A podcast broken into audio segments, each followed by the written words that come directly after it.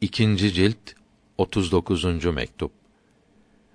Ehlullah'ın evliyanın vücutları hayattayken de vefatlarından sonra da rahmettir.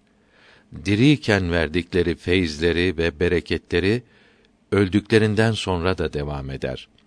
Feyizleri ve bereketleri yollarından ayrılmayanlara akmaya devam eder. Dinde ortaya çıkarılan bid'atin, sünnetlerin nurlarını yok etmesine benzer. Hayırlı işler yapmaya çalışınız. Taat ve ibadet yapmakta yarış ediniz. Merhumun evladına hizmet etmeyi saadet, kazanç biliniz. Onları İslamiyete uygun olarak sevindiriniz.